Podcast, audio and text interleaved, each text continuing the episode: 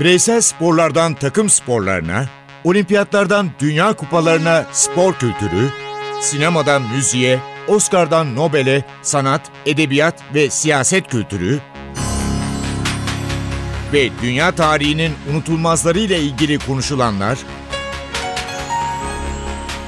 olayların perde arkası, yorumlar, sorular ve yanıtlar.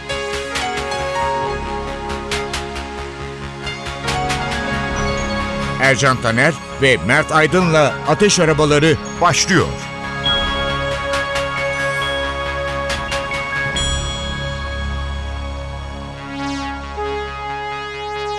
Merhaba bir ateş arabalarına da hoş geldiniz. Merhaba.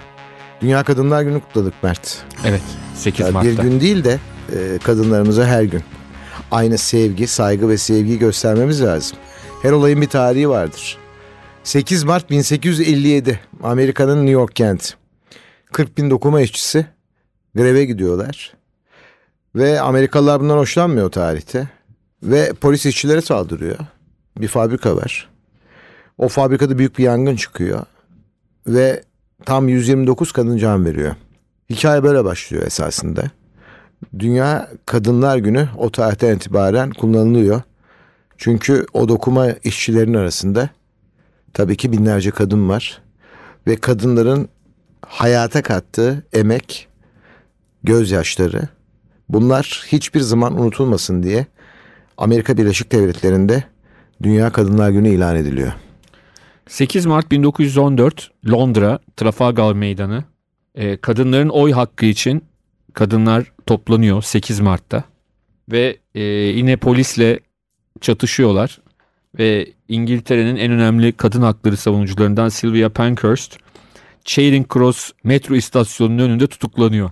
Amacı Trafalgar Meydanı'nda bir konuşma yapmak ama buna izin vermiyorlar. 1917'de St. Petersburg'da 8 Aynı Mart'ta şekilde. Gregorian takvimine göre 8 Mart'ta Gregorian evet. e, böyle bir tören yapılıyor. 23 Şubat aslında bizim kullandığımız takvime göre ama Gregorian takvime göre 8 Mart'ta. Ve işte bundan sonra yavaş yavaş 8 Mart her şekilde kullanılır bir tarih oluyor. Aslında bazı yıllarda başka günlerde de yapılıyor. Ama en sonunda bu 8 Mart'a senin de bahsettiğin olay dolayısıyla karar veriliyor. Tabii ki özellikle e, belli bir döneme kadar yani yakın zamana kadar çok politik bir olay. Dünya Kadınlar Günü ya da Dünya Emekçi Kadınlar Günü her yerde değişiyor bu.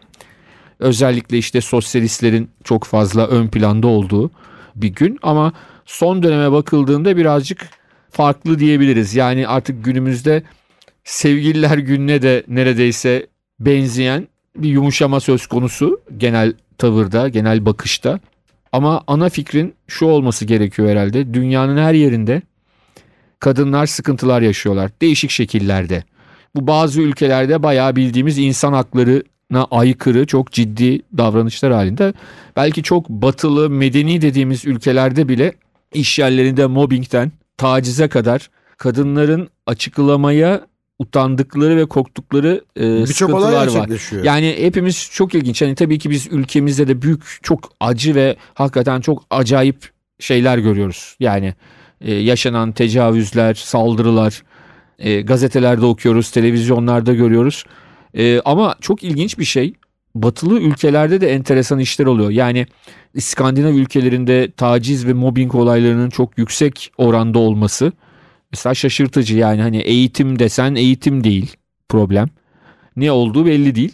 Ama hani en azından 8 Mart gününde bu tip şeylerin, bu tip sıkıntıların daha fazla e, konuşulması ve insanların bilinçlendirilmesi gerekiyor. En azından bugünün bunun için kullanılması. Doğru bu sadece hani eşinize, sevgilinize aman çiçek alayımın ötesinde olması gereken bir gün diye düşünüyorum. Anlam. Esasında her gün. Sadece O zaten gün kesin. Bugün Bu ama- sembolik bir gün. Evet bugün belki alt, evet, altını daha kalın çizebilmek açısından bu tür sorunların bunları konuşmak gerekiyor diye düşünüyorum ben. Çok talihsiz bir kadından bahsedeceğiz. Amy Winehouse'dan. Yaş 27. Ve hayat onu çok erken bu dünyadan koparttı. Tabii kendi hataları da vardı.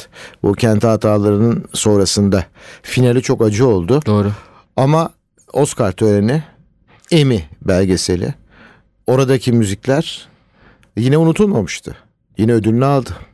Evet yani e, tabii ki gönül isterdi ki yaşasaydı belki bundan 40 yıl sonra yaşlandığında bu belgesel yapılsaydı. Morricone o... gibi 88 yaşında Oscar'ını alabilirdi. Aynen öyle aynen öyle. O zaman Ercan abi senle de konuştuk bugün onun şarkılarından dinleti yapacağız. Biraz da hayatını anlatacaksın bize. Evet e, Amy Winehouse'un en popüler şarkılarından biriyle başlayalım o zaman.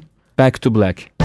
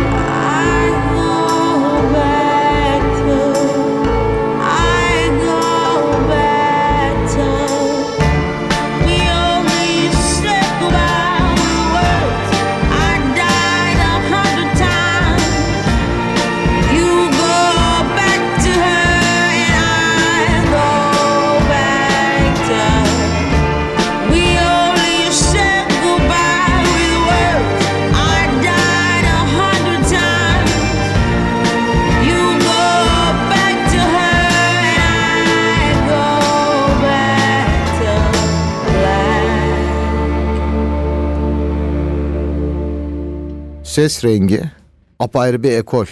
Şimdi tabii ki herkes elinden geldiğince şarkı söyleyebilir. Amy Winehouse'dan bahsediyorum. O şarkıyı yansıtabilir, yarışmalara katılabilir. Ama bazı kişilerde doğuştan oturmuş ses ve hiç kimsede olmayan yetenekler vardır. Onlardan biri de Amy Winehouse'a ait. Tam adı Amy Jade Winehouse, e, Londralı, Kuzey Londralı diyelim. Babası pencerelere hani paneller takılır ya işte onları takan adamlardan. Ayrıca da taksi şoförlüğü yapıyor. E, annesi de bir eczacı. Böyle bir ailede e, Yahudi bir ailenin kızı dünyaya geliyor. Ailesinin kökeninde Rus, Polonyalı göçmenler var. Ve e, ondan sonra müziğe şöyle başlıyor. Çünkü anne tarafından dayıları profesyonel caz müzisyenleri. Bu da Amy Winehouse'un aslında kalıtsal olarak da bir takım avantajlara sahip olduğunu gösteriyor. Onların Doğarken müzisyen olarak tabii doğuyor zaten. baba annesi de şarkıcı. Çok enteresan bir aile. İşte muhtemelen babaanneden gelen bir ses, dayılardan gelen müzik yeteneği Amy Winehouse'u oluşturuyor diyelim. Hakikaten hani bir şekilde kader onun zaten müzisyen olmasını, şarkıcı olmasını sağlamış. Bunu söyleyebiliriz herhalde. Ve çok e, küçük yaşlardan, genç yaşlardan itibaren de e, müziğe başlıyor. E, abisinin gitarını 14 yaşında eline alıyor ve 15 yaşındayken beste yapmaya başlıyor. E, ne kadar yetenekli olduğunu anlatabilmek açısından bunu söyleyebiliriz. Ama hayatın o kötülüklerinden uzak kalamıyor. Kötülükler derken maalesef uyuşturucu Maalesef evet.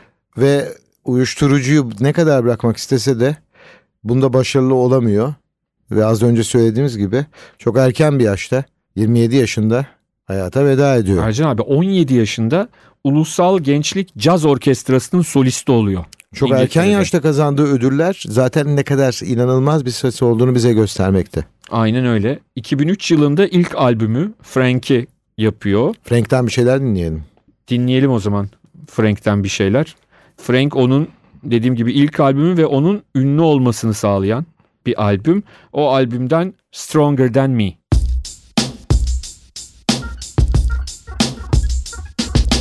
Just to be stronger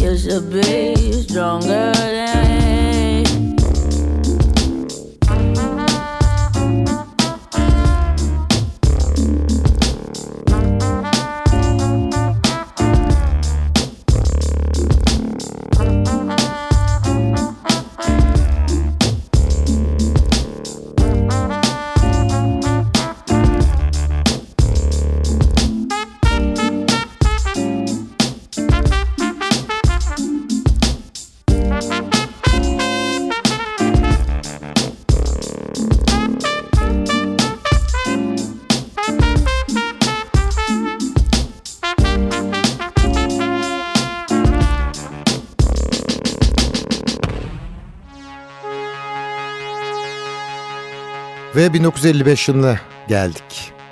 Avrupa Şampiyon Kulüpler Kupası tarihini Mert Aydın'la birlikte konuşmaya başlıyoruz. Yıl 1955. Bir organizasyon başlıyor. Şu anda dünyanın en büyük futbol organizasyonlarından biri. O zamanki adı Avrupa Şampiyon Kulüpler Kupası. Yıl 1955. Çift maçlı eliminasyon sistemi. Grup falan yok. Sahaya çıkıyorsunuz, iki maç oynuyorsunuz ve ya Avrupa'ya devam ediyorsunuz ya da çok erkenden veda ediyorsunuz. Veda etmeyen takımlar var. Biri Los Galacticos. Kupayı almaya doyamıyor adeta. Real Madrid. Sonraki yıllar Liverpool, Bayern Münih, Ajax. Şimdi artık bu kupayı alır mı diye tartışılan PSV Eindhoven mesela. Ve 1984'te topukla atılan bir gol var Viyana'da. Bayern Münih'e. Golü atan Madyer. Kim bu takım diye bakıyoruz. Bu takım Porto. Evet ondan 17 yıl sonra da 2004'te aynı Porto bu sefer Jose Mourinho yönetiminde Monaco'yu finalde yenerek bu sefer Şampiyonlar Ligi olarak kazanıyor. 1955'teki ilk organizasyonun babası diyelim e, bir gazeteci Lekip gazetesinden Gabriel Ano 1948'de ortaya atıyor e, Avrupa'nın en ünlü kulüplerinin oynamasını ve işin ilginç yanı hani e, biliriz Dünya Kupası'na İngilizler işte biz gitmiyoruz dediler ilk kurulduğunda FIFA ya üye olmadılar 1950'ye kadar Dünya Kupası'na katılmadılar. İlk Şampiyon Kulüpler Kupası'na da İngiltere şampiyonu Wolverhampton gitmiyor. Yani orada da bir inat gösteriyorlar ama Real Madrid hani onlar gitse de Real Madrid'i durdurabilme ihtimalleri çok fazla yok. E, finalde Fransa'nın Stade de Reims takımını mağlup ediyor e, Real Madrid. Tabii ki Real Madrid'in e, ilk 5 Şampiyon Kulüpler Kupası'nı da kazandığını belirtelim. 5'te 5 yaparak başlıyorlar. E, bu çok önemli. O kadroda işte Di Stefano, Puskás, Hento, Kopa gibi isimler var. Yıl yıl bazıları fark ediyor ama Hento aslında ilginç. 5 finalde de var, 5 şampiyonlukta da var. Artı e, birkaç yıl sonraki 6. şampiyonlukta da var. Yani 6 tane Avrupa şampiyonluğu var Hento'nun. Onun için böyle büyük e, toplantılarda, e, balolarda mutlaka onu da çağırıyorlar hala. E, ilerlemiş yaşta rağmen boy gösteriyor bir Real Madrid efsanesi olarak.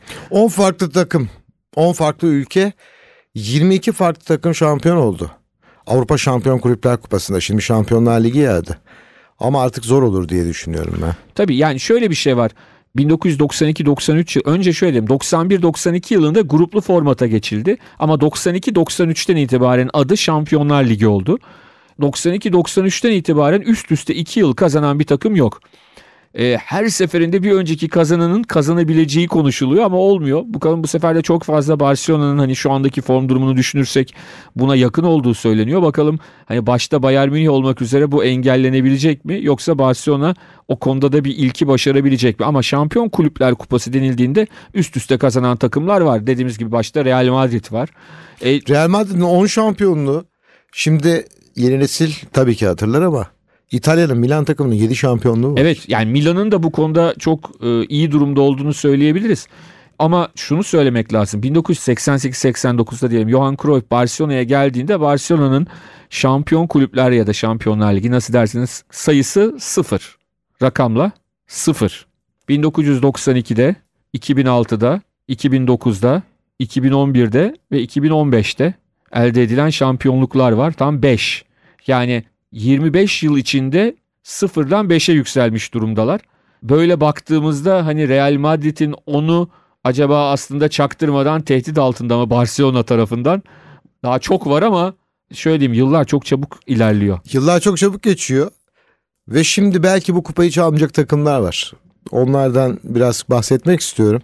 Nottingham Forest Evet. Championship'te şu anda İngiltere'de iki defa aldı bu kupayı. Ercan abi Celtic'in aldığını biliyor musun? Evet. Hem de adaya kupayı ilk defa getirdi. getiren Celtic ama şöyle diyeyim Nottingham Forest'ın İngiltere Ligi şampiyonluğu sayısı 1, Avrupa şampiyonluğu sayısı 2. İki. Bu da böyle enteresan bir durum ki o dönemde Nottingham Forest'ın oynadığı dönemde sadece lig şampiyonları Şampiyon Kulüpler Kupası'na katılırdı. Bir de o kupayı kazananlar unvanını korumak için Nottingham Forest o sayede iki kez katıldı ve ikisinde de şampiyon oldu. Üç kez katıldı. Üçüncüsünde de bir Bulgar takımına CSKA Sofya'ya elenmişti ve Türk asıllı bir oyuncu Kerimov'un golleriyle elenmişti. O zaman işte bir Türk futbolcu yaktı Nottingham Forest'ı diye. E, o Nottingham Forest'ın başında Brian Clough vardı tabii çok efsane İngilizlerin efsane hocası. E, kalesinde Peter Shilton vardı o takımın. Sağ beki Viv, Anderson. Viv Anderson. Daha sonra da United'da da oynadı. İngiltere milli Anderson özelliği oynadı. şudur. İngiltere milli takımında oynamış ilk siyahi oyuncudur. Çok özel bir oyuncuydu o da sağ Evet. bekte. Hatta şöyle diyeyim.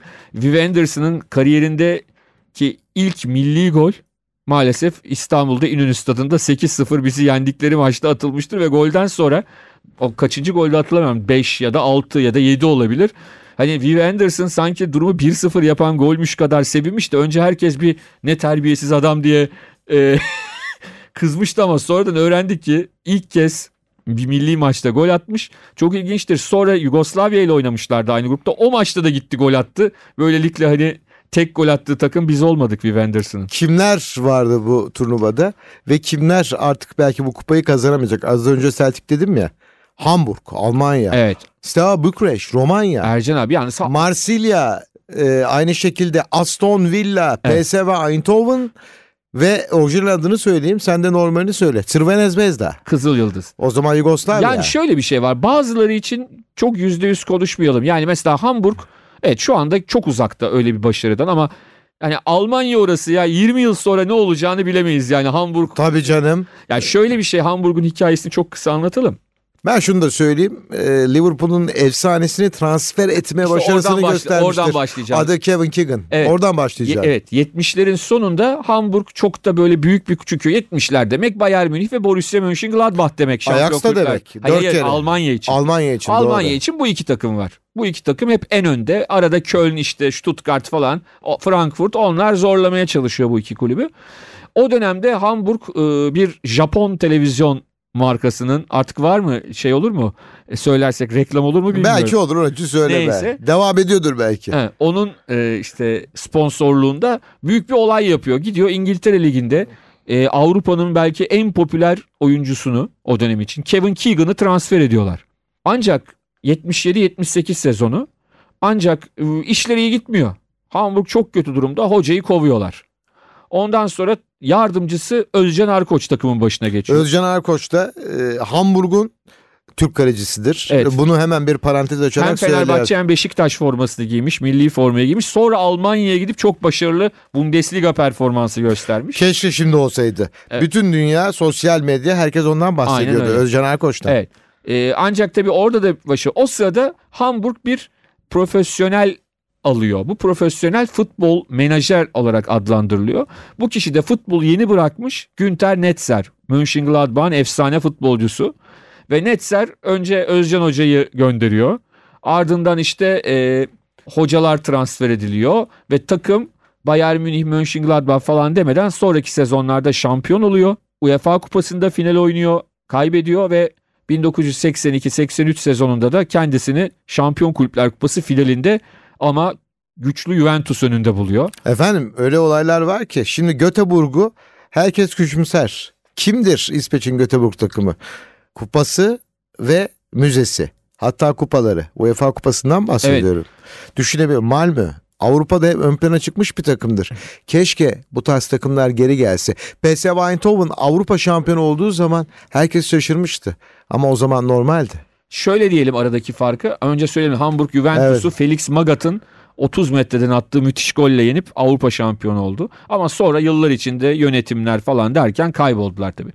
Şimdi tabii o dönemlerde birçok şey farklıydı. Bir, takımlar arasında büyük uçurumlar yoktu maddi açıdan. İki, yabancı sınırlaması vardı. Hiç kimse şimdiki gibi Bosman kuralları da olduğu gibi istediği kadar yabancıyla oynayamıyordu. Bu nedenle de kaliteli yabancılar, kaliteli futbolcular takımlara dağılmışlardı. Güney Amerikalı oyuncular özellikle bir takıma iki takıma değil Avrupa'nın orta Birçok seviye takımına takımlarına da aynen öyle. Bu da artı bir de eleme usulünde e, seri başı da yoktu. Seri başı olmadığı için de güçlü takımların birbiriyle eşleşmesi, diğer biraz daha mütevazi kulüplerin birbiriyle eşleşmesiyle sürpriz yarı finalistlerin, sürpriz finalistlerin olduğu turnuvalar oldu. İşte Nottingham Forest Malmö maçı Francis'in golüyle kazanmıştı. Trevor Francis. Francis'in golüyle. E, İngiltere Ligi'nin ilk 1 milyon poundluk transferi Evet. Trevor Francis. E, Francis'in golüyle kazanmışlardı. Ve O yüzden bunlar olabiliyordu ve o bahsettiğim PSV takımı da çok özel bir takım. Çünkü o takım önce liginde Gullit'li kadrosuyla şampiyon oluyor. Gullit'i Milan'a gönderiyorlar. Sonra hoca gidiyor takımın yardımcı antrenörü kimsenin tanımadığı Hus Hiddink diye bir adam. Gencecik bir teknik direktör takımın başına geçiyor. Ve o yıl Avrupa'da Avrupa Şampiyon Kulüpler Kupası'nda işe Galatasaray'ı eleyerek başlıyor ama Galatasaray'ın tarihi bir aslında direnişi var. 3-0 ilk maç bitiyor. 2-0 kazanıyor Galatasaray o maçı. Rövanşı ama turu PSV'ye geçiyor ve sonra PSV'yi kimse durduramıyor. İşte o takımda çok çok özel e, oyuncular olduğunu hatırlatmak lazım. O PSV Eindhoven takımında işte Ronald Koeman, Gerard Vanenburg gibi hakikaten bunlar o dönem için çok özel isimler, çok başarılı isimlerdi. Evet şunu da söyleyelim. Tarihe geçmiş hala devam edecek. Cristiano Ronaldo şu anda en çok gol atan gibi gözüküyor ama Messi onu geçebilir. Raul Real Madrid, Van Nistelrooy Hollanda, Henry Fransa, Alfredo Di Stefano Arjantin ve İspanyol vatandaşlığı var. Hatta Kolombiya milli takımında bir kere bile, bile bir kere oynamışlığı var. Hangisini diyeceğiz Üçü- bilmiyorum. Üçünde de oynayan, üç milli takımda oynadı. Ukrayna, Eusebio Portekiz, Inzaghi İtalya, Benzema Fransa, Zlatan İbrahimovic İsveç ve Drogba. Bizim tanıdığımız meşhur Drogba da ilk 12 içinde yer alıyor. Evet. Fil dişi. O zaman bu saydığın isimlere bir şarkı gönderelim. Amy Ersoy. Winehouse'tan. Aynen öyle. Rehab. They tried to make me go to rehab. I said no, no, no. Yes, I've been black, but when I come back, no, no, no. I ain't got the time, and if my daddy thinks I'm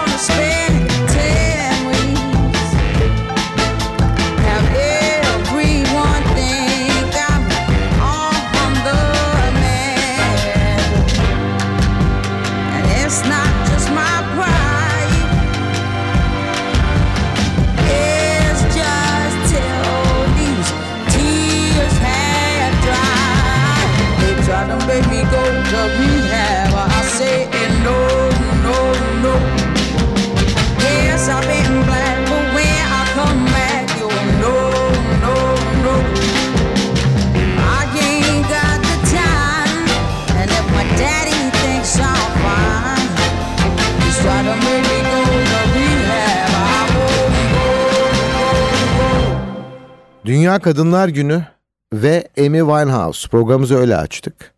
Avrupa Şampiyonası dünyanın en önemli organizasyonlarından biridir. Kupa 1. Eski adı Avrupa Şampiyon Kulüpler Kupası. Onun tarihinden ve rekorlarından bahsettik.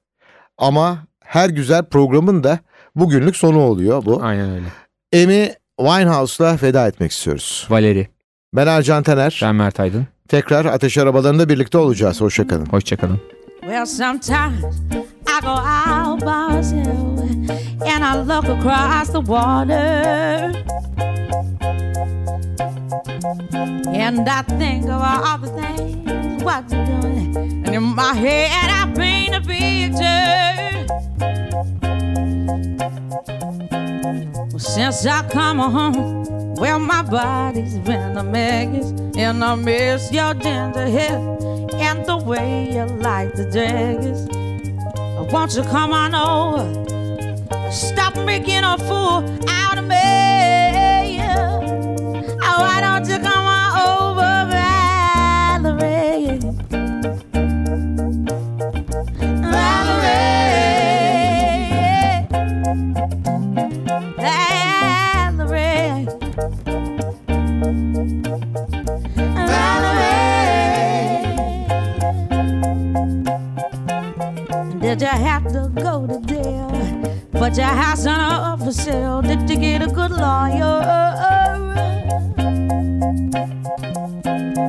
you catch a thing.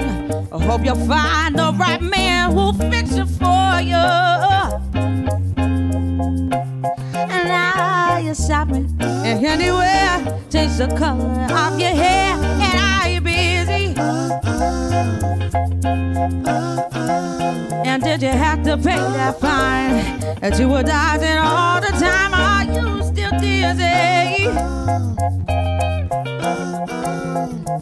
Since I come home, well, my body's been a mess, and I miss your ginger hair and the way you like the dress.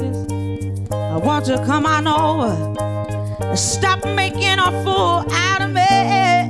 Oh, why don't you come on over? Valerie.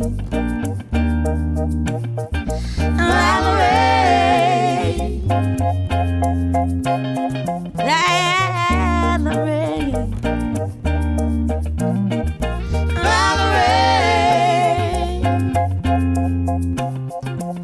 Well, sometimes I go out by myself and I look across the water. And I think about all the things what you're doing. And in my head, I paint a picture. Since I come home, well, my body's been a mess. And I miss your ginger hair and the way you like the dress. Won't you come on over and stop making a fool out of me? Oh, why don't you come on